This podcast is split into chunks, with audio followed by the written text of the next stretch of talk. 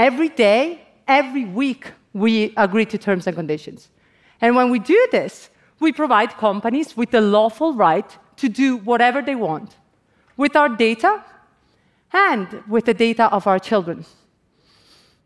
Which makes us wonder how much data are we giving away of children? And what are its implications? I'm an anthropologist, and I'm also the mother of two little girls.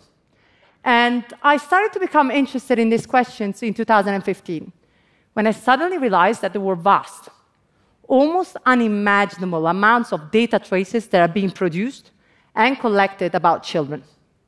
So I launched a research project which is called Child Data Citizen, and that aimed at filling in the blank.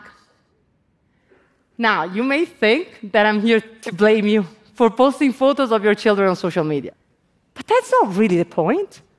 The problem is way bigger than so called sharenting. This is about systems, not individuals.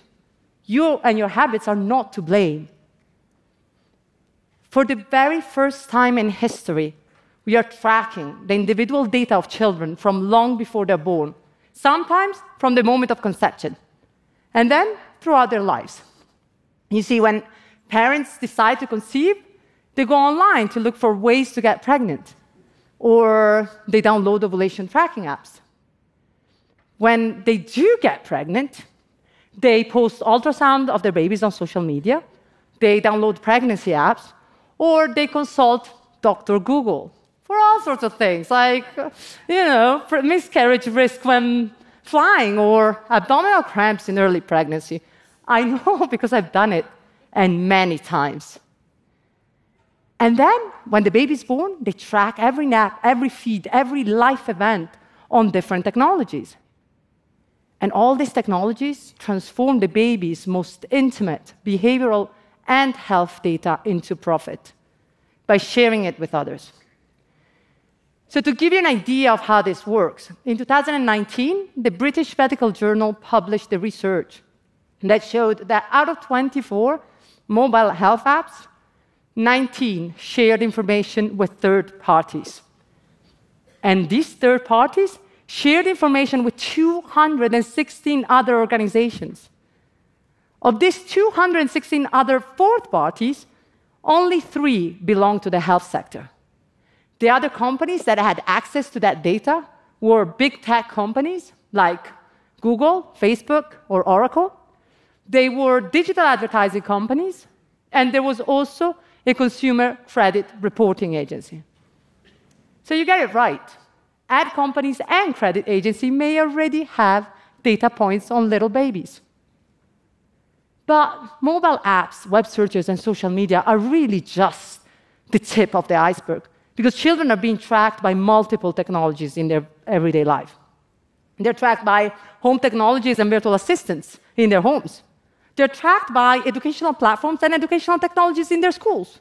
They're tracked by online records and online portals at their doctor's office. They're tracked by the internet connected toys, the online games, and many, many, many, many other technologies.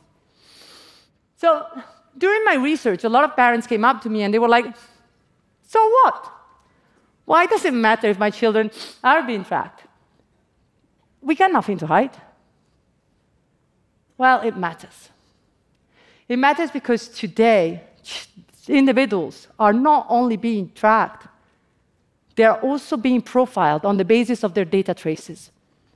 Artificial intelligence and predictive analytics are being used to harness as much data as possible of an individual life from different sources family history, purchasing habits, social media comments.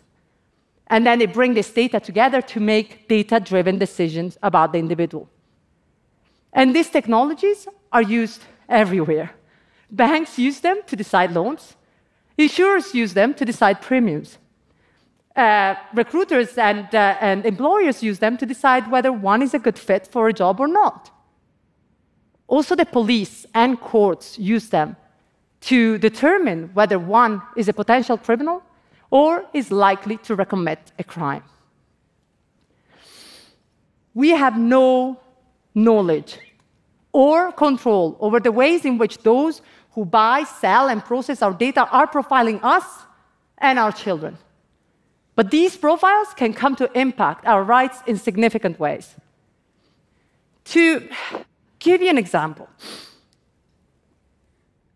in 2018, the New York Times published uh, the news that the data that had been gathered through online college planning service that are actually completed by millions of high school kids across the US who are looking for a college program or a scholarship had been sold to educational data brokers.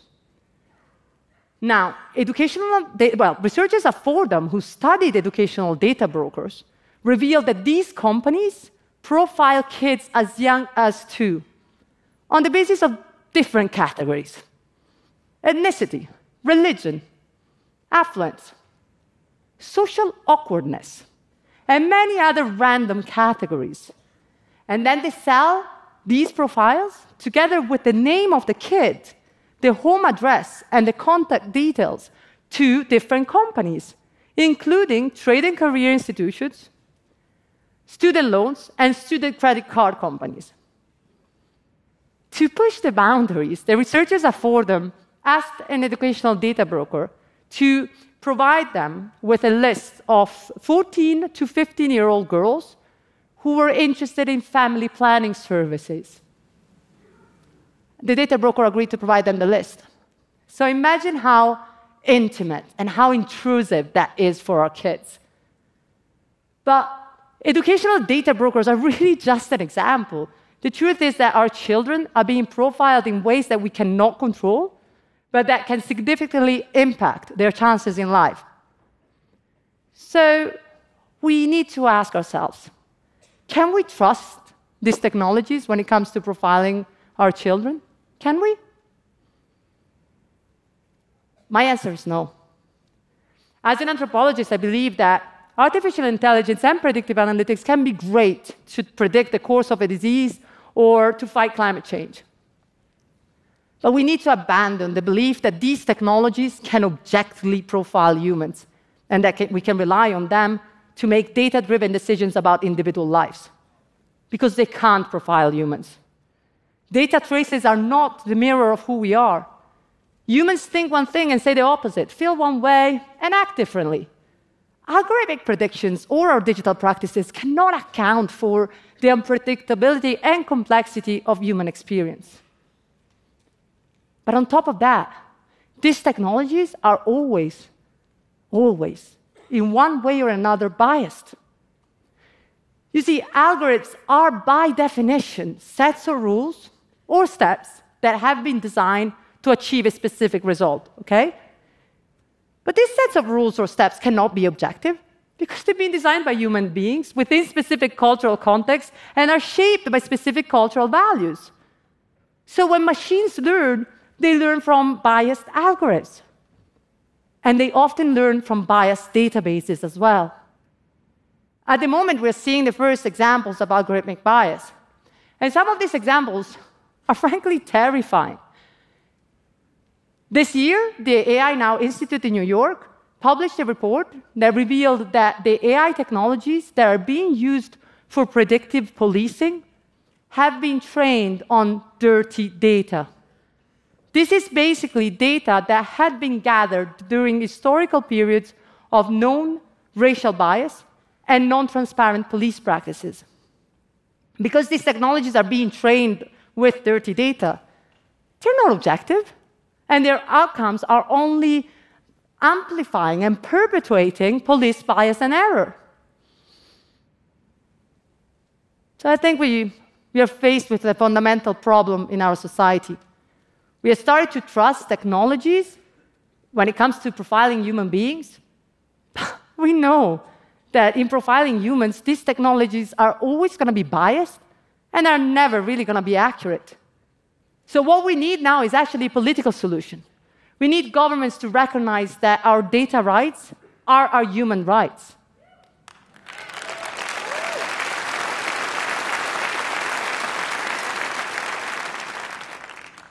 Until this happens, we cannot hope for a more just future. I worry that my daughters are going to be exposed to all sorts of algorithmic uh, discrimination and error. You see, the difference between me and my daughter is that there is no public record out there of my childhood. There's certainly no database of all the stupid things that I've done and thought when I was a teenager. so, but for my daughters, this may be different. The data that is being collected from them today may be used to judge them in the future and can come to prevent their hopes and dreams.